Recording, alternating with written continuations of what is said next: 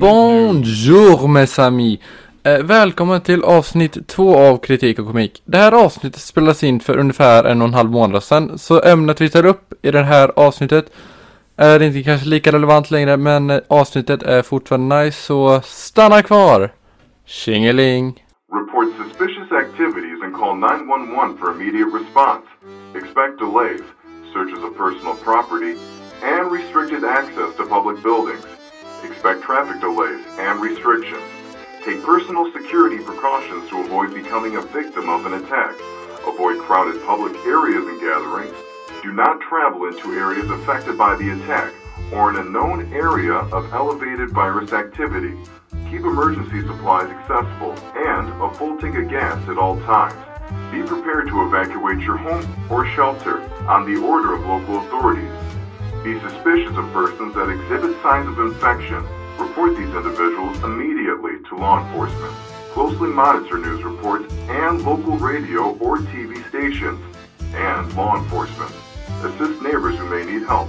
Avoid passing on unconfirmed information and rumors. If you come in contact with the infected, seek medical attention immediately. Hallå allesammans i... Nej men vad fan!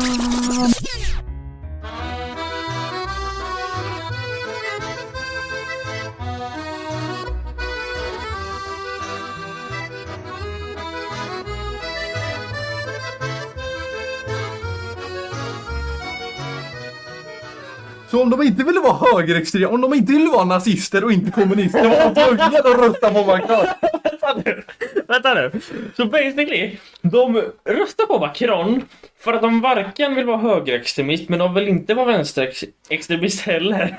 Så att då blir det Macron. Men vi gillar Ja. inte Macron så vi demonstrerar mot Macron.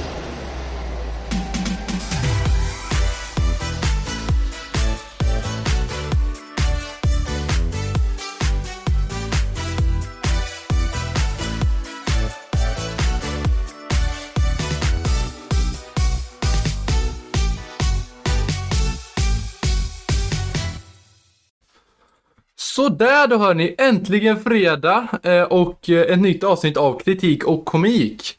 Idag ska vi syssla med alla svenskars favoritsyssla och klanka ner på andra länder. För vi är så otroligt patriotiska. Fast egentligen, vilket land är inte patriotiskt? Alltså, Ja, bra fråga. Sen kan, vi, sen kan man fråga, vad går gränsen för att vara patriotisk och vara nationalist? ja, det är ju en liten, det är en liten hårfin linje där som man får, man får dra lite som man vill. Vi, USA är otroligt patriotiska. Extremt. De, är, de har ju sina jävla flaggor överallt alltså. Så- Där ska det vara am- amerikanskt. Amerikanskt. Amerikanskt. Eh, Jag, jag, såg, jag såg en eh, serie igår. Ja. Och så var det var någon typ så här överlevnadsserie eller något så här typ militärsnubbar. Ja. Som hade liksom eh, satt varandra på olika övningar typ så de 100 timmar och klarade. Ja. Och han, en snubbe han bara, ja det var så skönt att se en båt komma med den amerikanska flaggan bak. Man bara, vad fan hade du inte hoppat på om det var en dansk flagga eller vad det var liksom? Eller svensk. Eller, eller vad väl, en mexikansk, jag vet inte. Nej, jag vet inte heller. Men eh, Ja, Frankrike. Frankrike. Landet som oftast associeras med ost, baguette, champagne och croissanter. Och demonstrationer. Nu, nu innan, innan, fast innan liksom. Ja, skitsamma, det blir bra. Vi tänker, vi kör en liten, vi kör en liten bakgrund på, på Frankrike. Lite fransk historia här. Om hur allting börjar. Nej, inte- Ja, inte börja, börja. Det är men- många anses som det började, även fast det inte alls gjorde det. Ja, vi, vi kommer då. Franska revolutionen som började 1789. Det, det började då på grund av dålig ekonomi, missväxt, svag monarki och att det tredje ståndet då, arbetarklassen, var trötta på extremt höga skatter. Eh, så de skapar då en folksamling. Vi, vi, vi kan pausa lite där. Dålig ekonomi, de hade slått massa krig mot, eh, Mot britterna och Britterna och kastat in massa pengar på, hjälpte USA mot britterna. ja, bland annat och i, ja, lite allt möjligt sådär. Ja, Så ekonomin är körd i botten. absolut. De har inga pengar kvar De alls. har inga pengar, samtidigt är det missväxt. Ja, monarkin, kungen bryr sig inte ett skit. Han sitter i sitt slott och äter tårta. Alltså de flesta på den här tiden är ju bönder. Ja, Och om det är missväxt, plus att de har höga skatter, Man jättebra. förstår att de blir sura. Absolut. Man kan förstå att de inte vill vill ha kvar den kungen. Jag hade inte heller velat ha kvar den kungen. De skapar, de citerar mig inte på det här, men jag tror de var typ runt 90-92% av befolkningen. Ja, Till, tillhör det tredje ståndet då. Ja. Så det är ganska mycket befolkning, om man säger så. det är ganska mycket befolkning. Så de skapar ju en... eh, Folksamling som då är till för att, ja, föra mer rättvisa till tredje ståndet. Ja, men li, lite så. Och kungen är väldigt svag. För att vara en kung så har han väldigt lite makt och han... Han är liksom, han äter hellre tårta än att liksom ta hand om... Han är, folk. Han, kan vara, han är lite som de här influencerna som vi skulle ta upp om de skulle bli statsministrar. Vet. Ja, det. Istället för att liksom ta hand om problemet bara Nej, jag, jag gör något som jag tycker är kul istället. Liksom sådana grejer. Ja, Så det tredje ståndet, de tror att kungen ska slå tillbaka på deras lilla uppror som de håller på med. men det gör de inte. Det gör Men han det gör inte. han inte. Så då, Så de invaderar, eller invaderar, de attackerar ju då eh, Bastiljen. Bastiljen. Det är den här, fästningen. ja, massa vapen och militär Ja. utrustning. Egentligen för att de tror att kungen ska slå tillbaka, vilket han inte gör. Och där... Så, så helt enkelt. Den eh, franska revolutionen var egentligen på grund av att de trodde att de skulle bli nedslagna av kungen. I princip. Och där inne händer liksom massa grejer som vi kanske inte behöver ta upp. I alla fall, de gör en revolution. De går runt på Paris gator med vapen och De lotar massa grejer och hämtar vapen och krut och allt möjligt. De, det är en eh, kvinnodemonstration i Versailles. Ja. Eh, där Varför kungen i har... Versailles? Ja, Okej, Ja. förlåt. förlåt, jag avbröt dig. Det är lugnt, det, de hade då den här demonstrationen i Versailles på grund av att det var där kungens palats låg. Ja, Han- lite var- utanför Paris. Ja, det var, det var där han bodde. Så att de invad, in, nu säger jag invaderar igen, kanske inte lite Men det- de, ja. de attackerar. De, in, de inkränker hans egen privata zon. kan vi De- säga det som. De tar sig in i hans palats och tar alla där inne, hur ska man säga, till fånga. De tillfångatar kungafamiljen helt enkelt. Exakt, och så går det några De för dem till exil. exil, ja, kungen Ja. försöker fly, men det går inte riktigt för att kungen är så jävla bra på det. Han, han, är så, han har blivit så tjock av att äta så mycket tårta så han kommer inte ut genom dörren. Han kan fastna i dörren. för det. De göra sådär, du vet, murbräcka fick de ta och liksom pusta in Folket ser då kungen som en förrädare. Ja, För de har, de har sett att han har skickat lite brev till andra monarkier för att bett om hjälp, bland annat. eh, Med att slå ner de här prästerna, för han kan ju inte göra någonting själv. nej. Så att de, tar, ju- de ser honom som förrädare och tar honom till giljotinen. Eh, Ja, det är lite, det är lite senare. Vi, vi är, det, kommer. är det lite senare? Det är lite senare. Då För, måste jag fått min historia om bakfoten. ja, det är lugnt. För då blir andra europeiska monarkier sura för att de behandlar kungafamiljen så dåligt. Ja. Och detta gillar inte nationalförsamlingen, så då förklarar de krig. Och detta är då revolutionskrigen. Men det går inte vi igenom nu. Nu. I alla fall, det är någonstans här de tar kungen och kungafamiljen till giljotinen och avrättar dem. 1793. Ja, jag minns faktiskt inte om de bara avrättade kungen och drottningen eller om de avrättade deras barn också. Det är antagligen. De, för då, annars kommer ju de växa upp och bli liksom... Monarki. Ja, jag tror det. Jag, jag tror de avrättade Citera oss inte på allt för mycket där. Vi är bara två 17-åriga... Nej, du är inte... Ja, två... Nästan... Han måste ta upp min ålder i allt Förlåt, förlåt. Vi är två Jag unga... är 17, det är inte du. Nej, vänta. Vi är två ungdomar. Vi är inga historiker, så citera oss inte på allt det vi säger.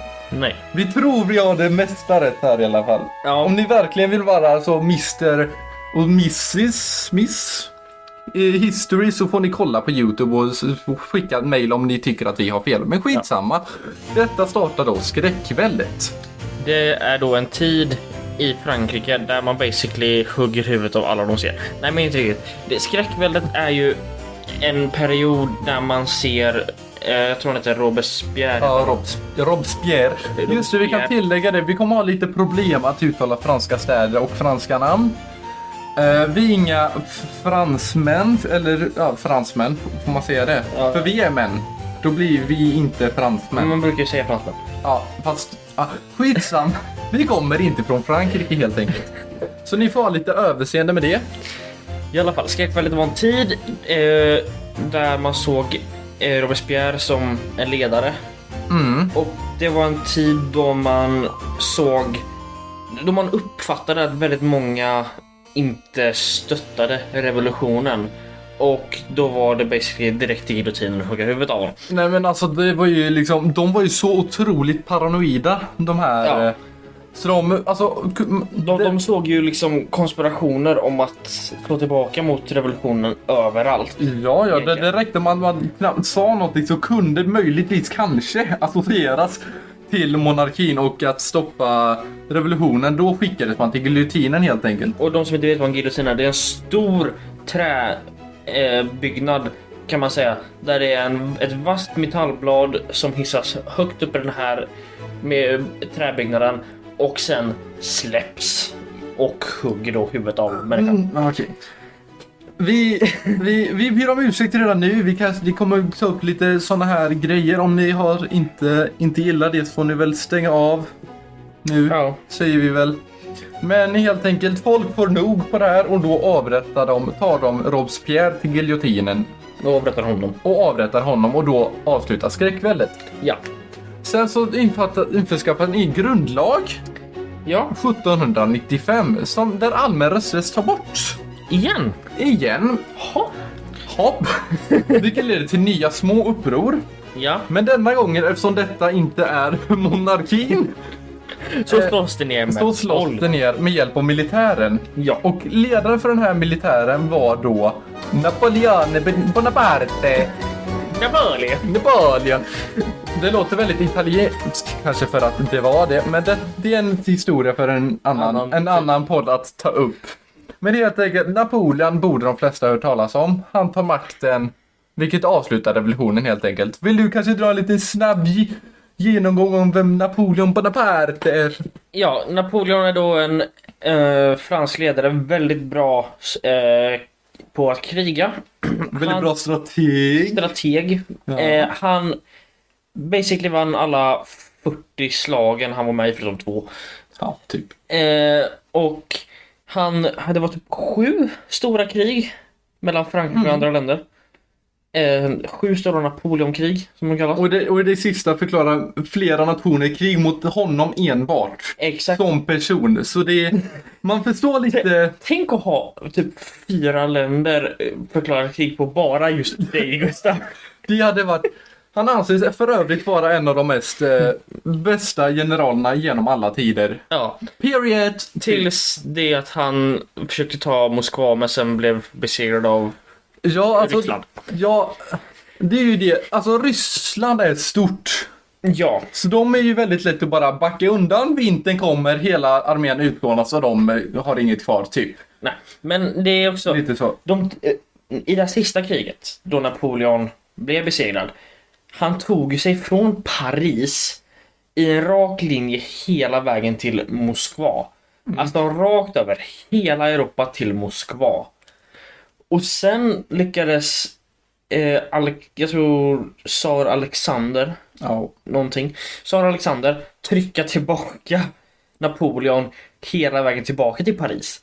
Med hjälp av lite andra länder. Bland annat var det Österrike, Preussen, Sverige. Sverige var med där. Typ Visst, visst. senaste krig, gången vi var med i krig. Ja, men det var det. Det var ju typ sista kriget vi hade. Förutom det, Ja. det var ju näst sista kriget vi var med i. För det sista var ju Norge. Mm, vi kanske får sluta. Vi, alltså vi ingen, det, det, nu gick det för långt. vi är ingen historiepodd, vi lovar. Vi kanske har tappat massa lyssnare nu. Ja. Vi ber om ursäkt redan nu. Vi, vi gick Förlåt. för långt, vi är väldigt historieintresserade. Vi gick för långt med det här, men skit i det. Tillbaka till Frankrike. Ja, eh, folk tror att detta är typ det, det första demonstrationen, men det är icke san, icke helt enkelt. Ja. De har fått se 166 demonstrationer sedan 1200-talet. Eh, och detta är från en list, Wikipedia-lista där jag liksom räknat de här manuellt. Så det jag kan vara en eller två fel. Jag ber om ursäkt. Eh, och 17 demonstrationer under 2000-talet hittills. Det, det är sjukt. Alltså bara under 2000-talet så har vi haft 17 demonstrationer i Frankrike. På 23 år. På 23 år. Det, Det är faktiskt sjukt. det kommer inte stanna där, gott folk. Jag lovar er. Nej, det kommer fortsätta. Men ska vi, du kanske vill berätta lite varför de håller på att demonstrera just nu i Frankrike? För Ja. där är det ju på riktigt kaos. Ja, det är Man har ju sett, man har ju sett, såg någon så här video där det är folk som sitter i café typ så brinner det skit runt om. Det, det första jag tänker på det är den här minen, mimen, du vet den här hunden som sitter i huset som brinner. Ja, Ja, det var han bara it's fine.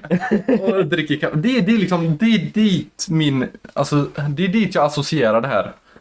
Men Ja. eh, det, är- det är sjuk, sjukt det som händer. Men du kanske, men för att förklara varför de demonstrerar just nu. Jo, ja. eh, 27 juni klockan 8 eh, så såg två poliser på motorcyklar en eh, Mercedes med polsk registreringsskylt. Vi kan stanna där. Det- Där har vi inget fel. Det, det är inget fel hittills. Det finns väldigt mycket polacker här i Sverige också. Det var ju bara den lilla detaljen att han körde otroligt fort i busslinjen. Ja, Ja, väldigt smart. Måste ja Nej, absolut. Men bilen då... ehm, bilen, de ville ju att de skulle stanna. Bilen stannade inte vid ett rödljus utan stannade när trafiken var liksom för tjock. Ja, ble- Han kunde inte ta sig förbi. Som... Eh, eh, vad, kungen i Frankrike. ja, Louis den Kung, kungen i 16. Frankrike stod där på vägen och blockerade. Du kommer inte förbi. Han bara la sig där. Och så bara bromsade bilen nu. ah, ja. Skämt åsido. Eh, bilen eh, stannar då. Mm. Då poliserna går av sina motorcyklar och här drar poliserna sina vapen. Ja, mot en 17-åring som kör. V- eh, vid namn Nael. Bra Merzouk. Nael Merzouk typ. Ja, Något så annat. jag kan inte fall. Eh, men Nael heter han. Eh, Nael var då 17 år och det som är bra att veta nu är att Nael har varit känd för polisen sedan innan. Nael har blivit tagen av polisen för att ha sålt drogerna, har blivit taget av polisen för att eh, ha tagit droger och massa sådana brott. Så han, han var känd för polisen innan. Han gjorde nog inte som de här som vi tog upp i första avsnittet som ringde polisen när de inte fick betalt. droghandel. vi, vi får hoppas att han inte var så dum. Nej, det får vi hoppas.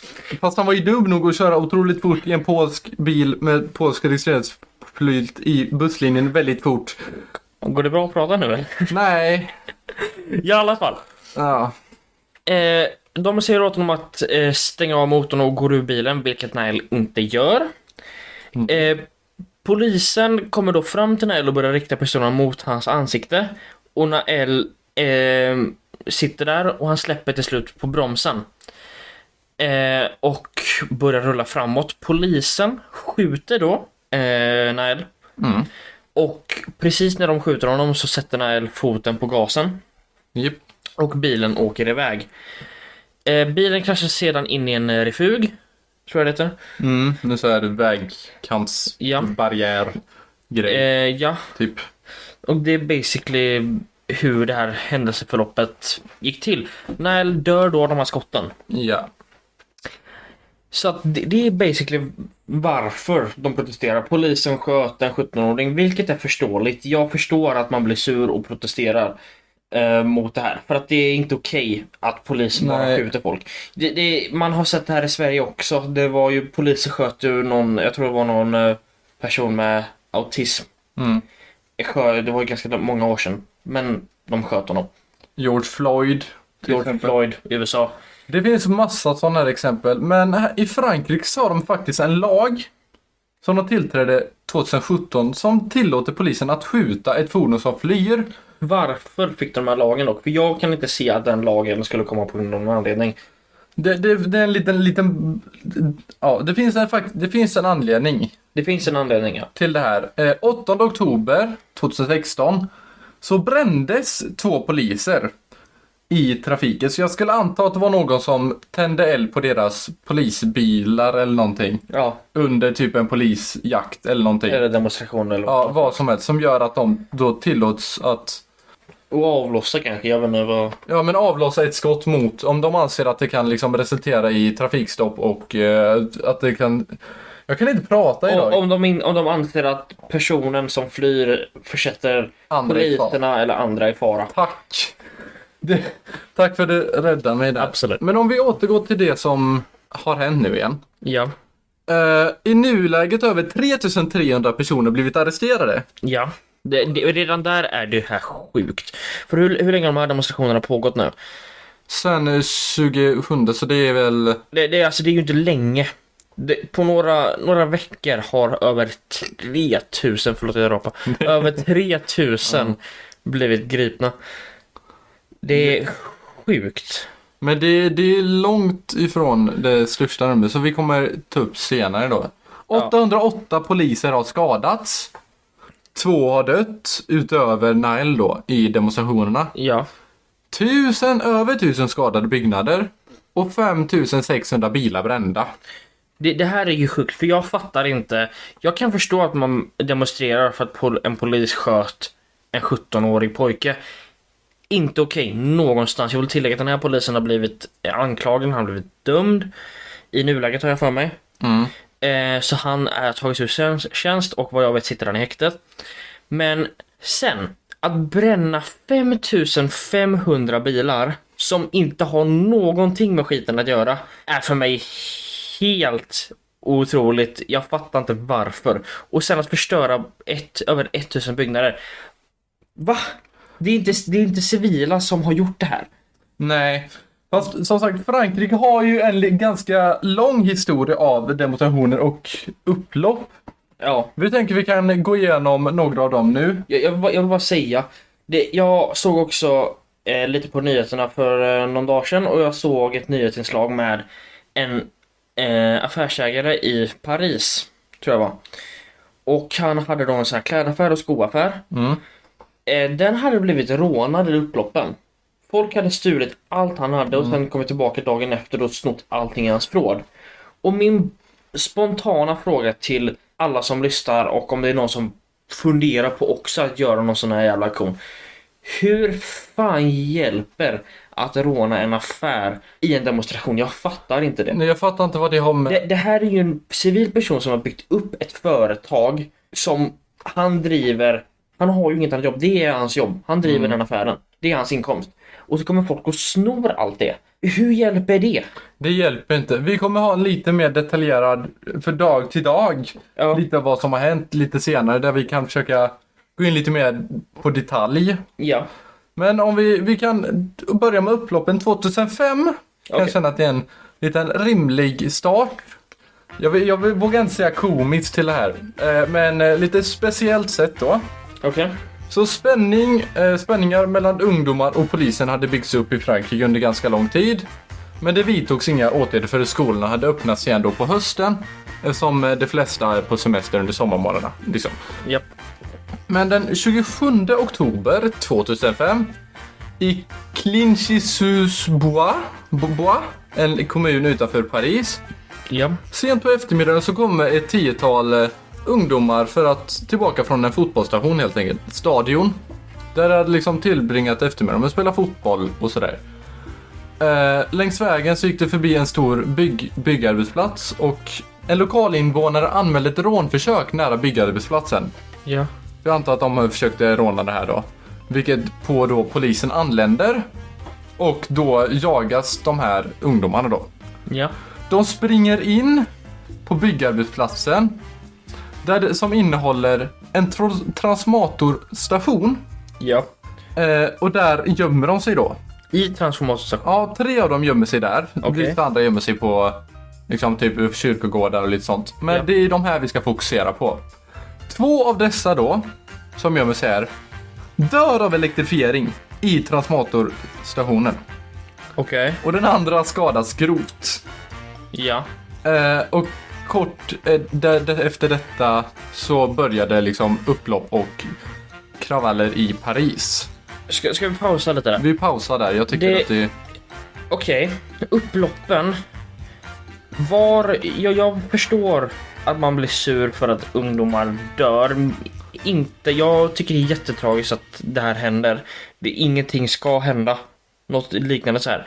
Men att springa in i en aktiv transformatorstation och gömma sig där det finns risk för att bli elektrifierad.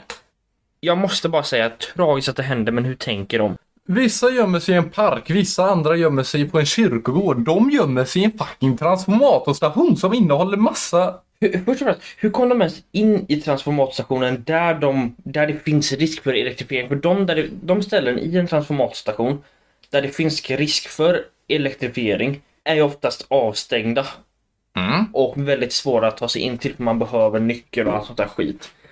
Hur fan tar man sig en, in där? Men jag antar att det är stängsel och sånt som de bara klättrat över och sen så har de gömt sig där helt enkelt och tänkt ja men det här är jättebra gömställe. Gömt sig på en sån här transformatorgrej eller vad fan? Alltså, För det, det är där jag tänker, där kan man, där, det är där det finns typ en risk att bli Mm. elektrifierad om man gömmer sig på en sån. Och du vet, de har ju stora liksom, rektangulära boxar där. Med elkablar som sticker ut ur dem. mm. Jag tänker det är typ där man kan ha gömt ifall man blir elektrifierad. Eller inuti där, jag vet inte fan om man kan komma in där. Ja, och sen har vi under alla, alla de här demonstrationerna så brändes närmare 9000 fordon. De, det är någonting med att bränna bilar i Frankrike alltså. Ja. Och också brä- bränna civila bilar. Mm. Det är, inte, det är inte polisens bilar. Jag hade förstått lite mer om det var polisens bilar, men nej, nej, nej. Säg Manu- en kille som heter Manuel bor längst ner på gatan. Ja. Hans bil bränner vi. För Ja. att den här ungdomen sköts av polis. Jajamän. Ja, alltså 126 poliser skadades och närmare 2900 demonstranter greps. Ja. Det... De här lyckas ju med det som klimataktivisterna önskar de kunde lyckas med alltså, bli gripna alltså. För det är liksom... Uh, 9000 pers! Jesus Christ. undrar hur många av de här som blir fällda, hur fan har de plats för alla? Alltså i fängelseanstalter och allt möjligt. Det måste ju vara väldigt så här, jo, fan vad jobbigt det måste vara att vara åklagare när det är demonstrationer alltså. Eller advokat för den delen, behöver vara på liksom 15 olika liksom, rättegångar samtidigt. 15 rättegångar samtidigt, samma dag. Veckan in, vecka ut, månad in, månad. Men helt ärligt, det är som en åklagare under demonstrationer. Du måste få in minst fem fall om dagen. Liksom, du ska ha en rättegång här, här, här, den här dagen. Jaha, hur långt mellan? Ja, 20 minuter. Alltså man bara, jag tycker synd om dem. Jag Ja. tycker synd om dem. Jag tycker, jag, jag tycker synd om alla. ja, jag tycker... Både poliser, civila och kanske lite demonstranterna. För jag förstår Nej. ändå deras frust- frustration. Nej. Jag Fast nej. Ja men in, inte, inte, inte demonstranterna som är Alltså blir gripna Men jag kan ju på, förstå lite demonstranternas eh, frustration Varför de demonstrerar Vi har en annan händelse. Och detta... Vi, vi kommer till det, men här ser jag faktiskt inte varför det blev en demonstration egentligen. Okej Vi, jag körde igenom den här lite snabbt också. En, två bröder var ute, de var ute och åkte skateboard eller någonting. 2016 hände det här. Eh, Den äldre brorsan, Bagui tror jag han heter. Bagui Ba Man kan nästan dra det baguette Ja. Tjena mitt namn är baguette Nej men de är ute och åker lite skateboard eller på sin, tar en liten en- kvällspromenad eller vad som Bara helst. ha det gött Ja. Då närmar sig polisen...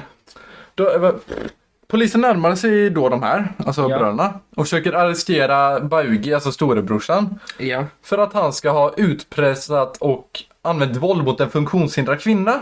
Okej Det kan man ju ändå förstå att om polisen ser misstänkt så kan de liksom gå liksom... Ja Ja, För det är polisen måste, man, polisen måste ha en anledning För att kunna stoppa dig ja. Och det hade de ju här Mm. De ber om att få kontrollera deras ID-kort. Så inget fel hittills Nej, inget fel hittills. De, jag ska ärligt säga så är inget fel i hela den här händelsen, men skitsamma. De ber om att få kontrollera deras ID-kort. Ja Eh, den yngre brorsan, Adama, hade inte sin så han flydde då. Ja Fast han tillfångatogs sedan av poliser, flydde igen och tillfångatogs en andra gång. Men denna gången så kommer en tredje part, knuffar undan en polis så att han kan springa undan igen då. Okej Eh, de hittar honom i en liten lada. Ja Men han ber om att få lite, och hade, men han hade svårt att andas och bad om att få några minuters vila. Vilket det faktiskt gav honom Ja, okej. innan det... Är väldigt snällt av poliserna, för jag menar, han hade ju flytt två gånger. Mm. Jag menar, många poliser hade ju absolut inte gett honom den eh, minuten. Nej, nej. Och där arresterar de honom då och sen så förs han till... eh, Förs han till polisstationen. Ja. Eh, här vid ankomsten då så märker poliserna att han eh, var medvetslös. Och upp, men det uppgav att han fortfarande andas liksom. Ja. Så poliserna placerade Adama på marken och ringde räddningstjänsten. Ja. Inga fel så här långt. Nej. Och i det ögonblicket änd- anlände den s- storebrorsan. Som hade hanterats av andra poliser. Ja. Eh, och när han såg sin eh, brorsa på marken sa han var försiktig med min bror, han har ett hälsotillstånd. Ja. Varpå ambulansen anländer och eh, de märker att han inte andas. De ringer en akut, akutsjukvårdsgrupp som försöker återuppliva honom men efter det förklaras han död. Var fan är felet här? Jag, ser, jag håller med, jag ser ingenting fel. Det är ju ingenting som är fel här. Polisen har ju inte gjort någonting Nej. som har fått honom att sluta andas. Nej, precis. Och dessutom var den här tjommen då grovt kriminell. Okej? Han hittades med cannabis i sitt hem bland annat. Han hade dömt för flera olika brott. Okej. Uppror, våld mot polisen, utpressning, narkotikarelaterade blott, blott, brott. Han hade suttit i fängelse två månader senare men blivit utsläppt. Ja. Och där har han anklagats för upprepade gånger våldta sin cellkamrat. Okej. Så så, Så han var, han var kriminell? ja. Ja. Jag ser absolut inget fel här. Inte jag heller. Nej, de andra kan man ändå Vi- förstå vi- för det är ju liksom, där dör de ju av. 2005 är lite så här. Ja, Men ni- men det. Det, alltså, Nile-grejen. Polisen gjorde fel, de sköt honom. Mm.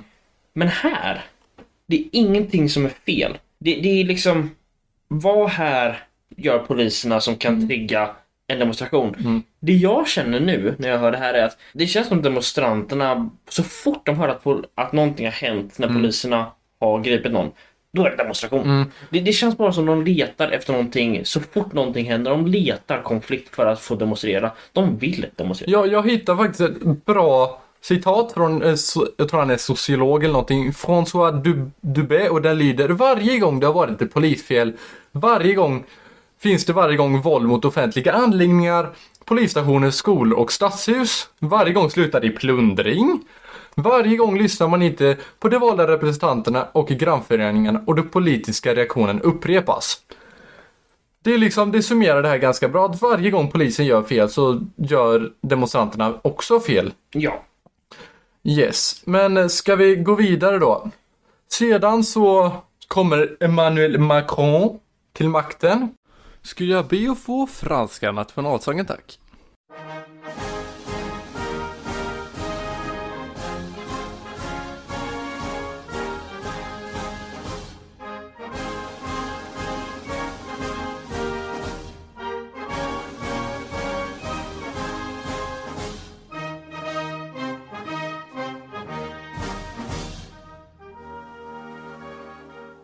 ...2017 Ja. och redan då anses hans politik som hård och globalistisk. Ja. Mellan januari och november 2018 Gissa hur mycket förtroendet för honom sjönk då? Vad kan det sjunka? 20 procent? Från nästan 50% till 25% mellan januari och november samma år. Hälften av hans följare försvann. Jajamän! Va? Ja. Det Vad fan kan han ha gjort då? fel politiska prioriteringar kanske. Antagligen, vem vet? Men under den här perioden i maj så startas en grupp på typ Facebook, sociala medier Ja. som lockar till sig en miljon underskrifter. Eh, och det börjar massdemonstrera 17 november mot stigande priser och råolja. Ja. Det känns lite som det här är som, eh, du vet, Area 51 grejen. Där det var så här, vi ska storma Area 51, så var det en asgrej, så de livestreamade skiten så hände ingenting. Ja, det var ju fan sad. Man, man satt inne där och så bara... Ja, det var- Storma, storma! Fan. Jag kommer ihåg man så satt där på rasten och bara nu händer det, nu händer det. Och man pratade om det hela tiden så blev det inget av det. Men det här, så hände det faktiskt. Ja. Och det var ju på grund av att de hade, på grund av stigande bränslepriser, höga levnadskostnader, ekonomisk ojämlikhet, bla bla bla. Ja. Och de ville då att Frankrike skulle göra så att det skulle så att skatterna skulle bli lite lägre för medelklass, medelklassen och de skulle höja minimilönerna helt enkelt. Det här känns som att det här kan bli en repetition av eh, franska revolutionen. Det. Ja, lite grann faktiskt. Var, var, det inte lite så franska revolutionen? Så var det, fast den här gången var det bränsle och inte missväxt. Fast det är ju Ja. liksom typ samma sak om man... Ja.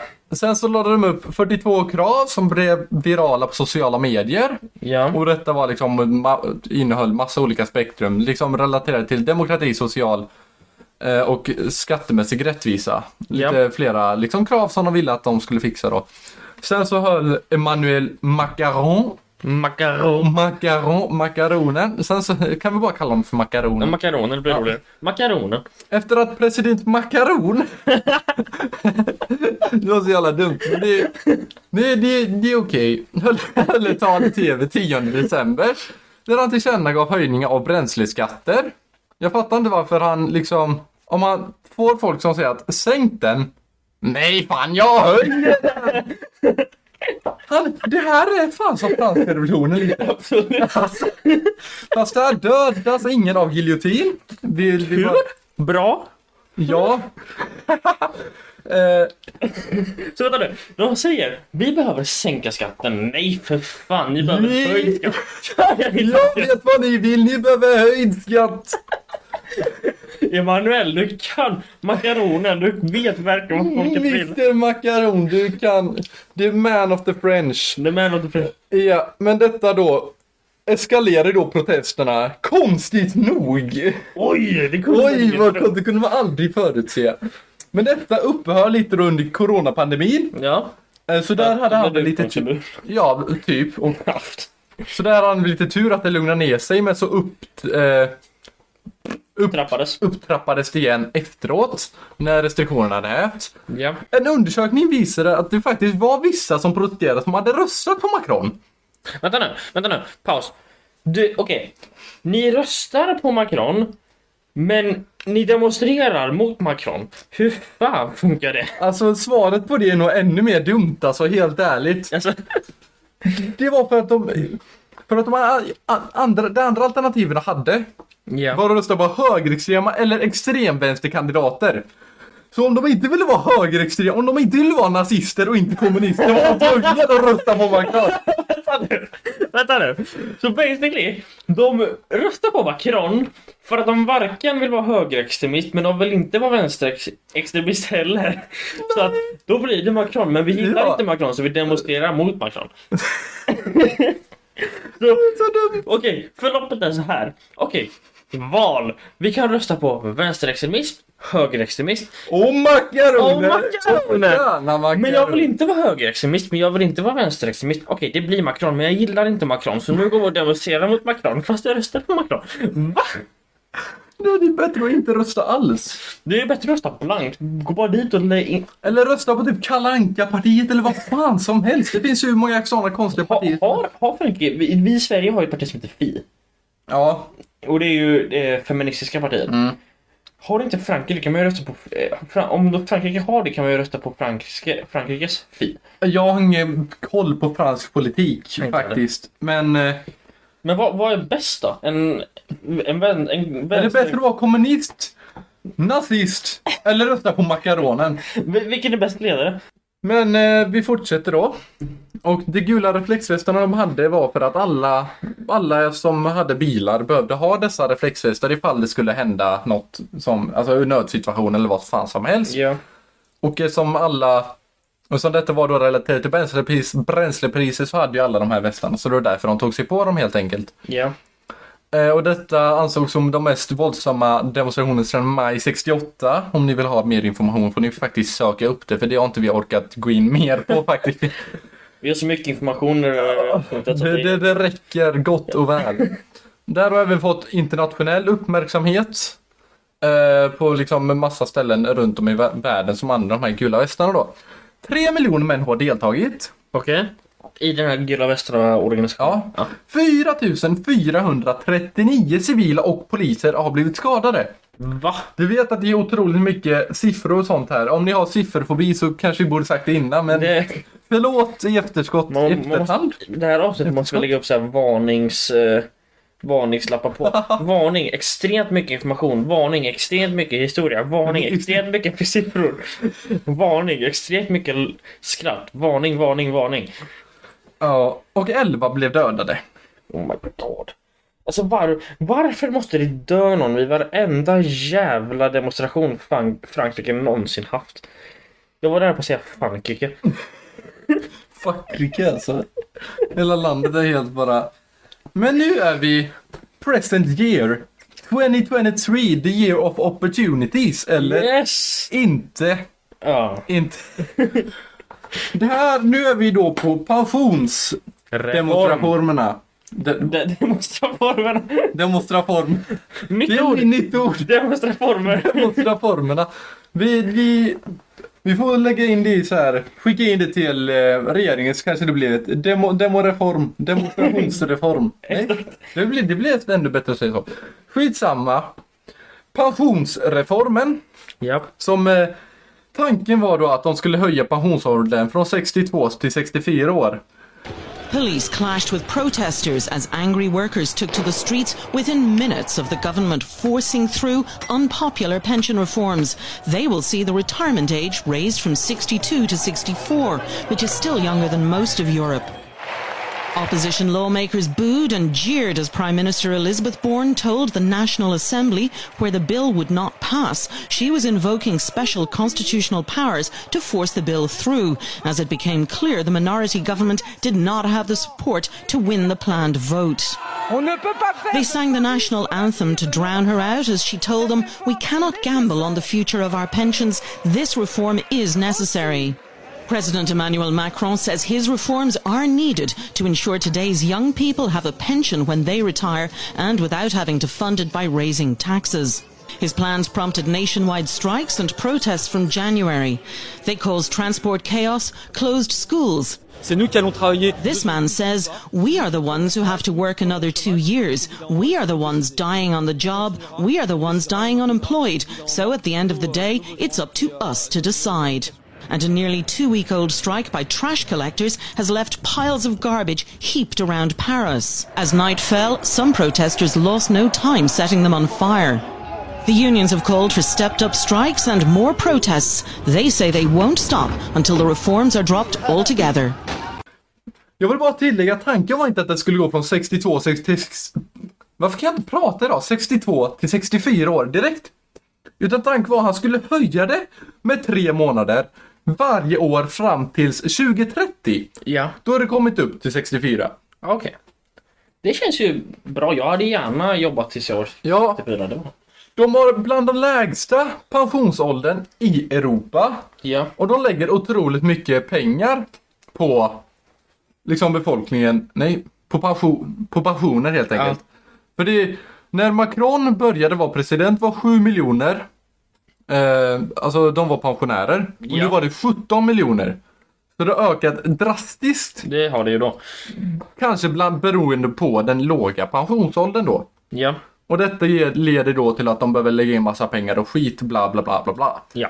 Så alltså jag förstår inte vad det här är, vad felet på det här är faktiskt. För jag, jag menar, Sverige, vad jobbar vi till? Vi jobbar tills vi är 65. Vi jobbar tills vi är 65 ja. Och Frankrike jobbade tills de var 62. Fan vad lata fransmän är. Jag menar, många länder jobbar tills de är typ 65 och är jättenöjda med det. Men så kommer Frankrike, fan vi behöver jobba mer än 60, me- längre än 62.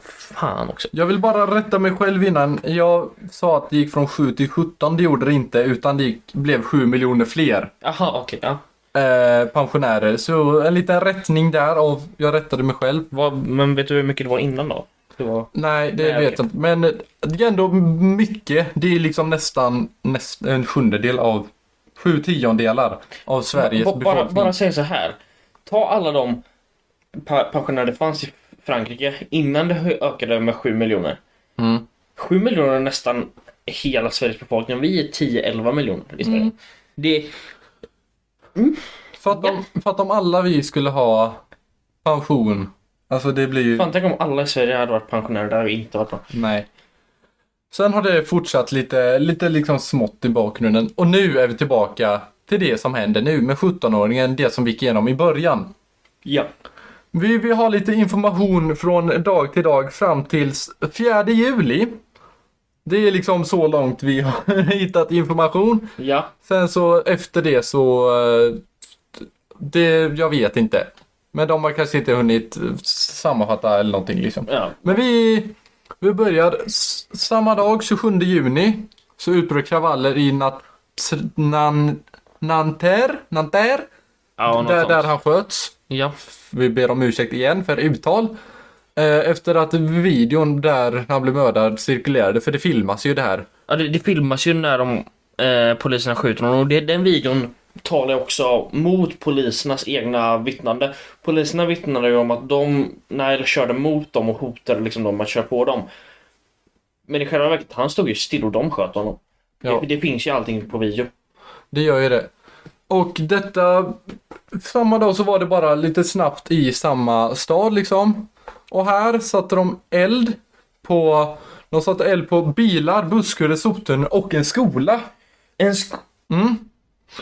Jag fa- nu, nu blir vi Emils hjärna sluta funka nu. min hjärna dog. Den dog. De, jag fattar inte hur de tänker. Vänta nu. En skola. Mm. Det här börjar gå för långt. Det här börjar gå längre än fucking USA skolskjutningar. Kanske man inte får säga, men jag vet inte. Ja. Men he- helt seriöst. USA har jättemycket skolskjutningar, men seriöst. Nu går demonstranter som är typ 17 år gamla och går runt och tycker nej för fan, vi tänder eld på en skola. Vad fan kan hända med det? Ja, du bränner ner hela byggnaden och dödar massa människor. Vad fan tror du händer? Första dagen i... Nu, nu börjar jag bli jävligt irriterad, förlåt för det, men jag är... Klarar inte sånt här. Ja, minst, minst 20 poliser skadades. Ja. 10 bilar skadades, blev uppbrända typ. Och 31 greps första dagen i en stad. Ja. 2000 poliser sattes in. Det här är första dagen gott folk och i en stad. Nästa dag så eh, utbröts kravaller i andra franska städer som, förlåt för uttalet igen, saint Eternier, Strasbourg, Lille, Lyon med flera. Fyrverkerier riktade mot Mont Monterlius, någonting, någonting, stadshus. Det gör vi ganska liksom kända videor och sånt där man ser liksom fyrverkerier som mot liksom fängelser och stadshus. Ja. Ja, i Toulouse, Toulouse inledde en mordbrand och sammandragningar mellan demonstrationer och poliser till 13 arresteringar och 20 fordon brändes. Jag fattar inte varför de vill bränna fordon. Jag fattar De är inte fucking klimataktivister de här. Jag fattar inte varför man vill bränna någonting. Jag, jag fattar inte, Nej. varför kan det inte bara ha en fredlig demonstration? Jag fattar inte. De riktade sig mot 27 nationella polisstationer. Va- 14 kommunala polisstationer. Var, varför går de inte bara... Va, Okej, jag, Åtta stadshus! Förlåt. Jag, var- jag var bara tvungen att tillägga det. jag, jag, var bara, jag vill bara säga så här. Okej. Om någon från Frankrike lyssnar och på något sätt förstår vad vi säger, inte troligt. Men eh, vem vet. Varför gå ut och förstöra allting ni ser? Varför inte bara varenda dag gå ut på gatan och ha en extremt lång protestmarsch genom hela fucking Paris och ta över hela gatorna? Visst, blockera trafiken, en sak. Mörda folk, en helt annan. Det är fan inte okej att bränna folks egendom för att ni tycker att fan det här är fel. Visst, det kanske är fel, det är dåligt, det poliserna gjorde med Nael är inte okej, jag stöttar inte på något jävla sätt alls. Men, det de gör är fan inte okej heller. nej, exakt. Jag tycker det, helt ärligt så gör både fucking regeringen i Frankrike fel och demonstranterna gör fel. Vill ni göra rätt demonstranter, ha en fredlig protestmarsch där ni tar över hela gatan och bara går fredligt genom hela fucking Paris. Ja. Klart. Det var dag två. Jaha, Det var dag två. Vi har lite fler dagar till. Nästa dag, den 29 juli, marscherar mer än 6200 personer till stöd av Mersouks familj. Jag vet inte ens om de hade velat att de hade gjort sådär. Spår, kollektivtrafik stannas. De avfyrar fucking fyrverkeri mot polisen. En Lidl-butik. Någon, någon kör in en jävla bil i en Lidl-butik och var på den plundras. vad har en liten butik med Jag vet inte, och ett till jävla stadshus tänds i brand. Okej, okej, jag säger så här nu. Jag tycker att demonstranterna sticker från gatan, de sticker hem och sätter sig och spelar tv-spel för det är det ni 17-åringar gör. Känns det som. Men eh, jag, jag vet bara inte, jag orkar fan inte mer. Uh, Alltså det, det är så jävla sjukt det som händer. Nästa dag skjuter makaronen upp en resa till Italien, nej inte Italien, utan till Tyskland.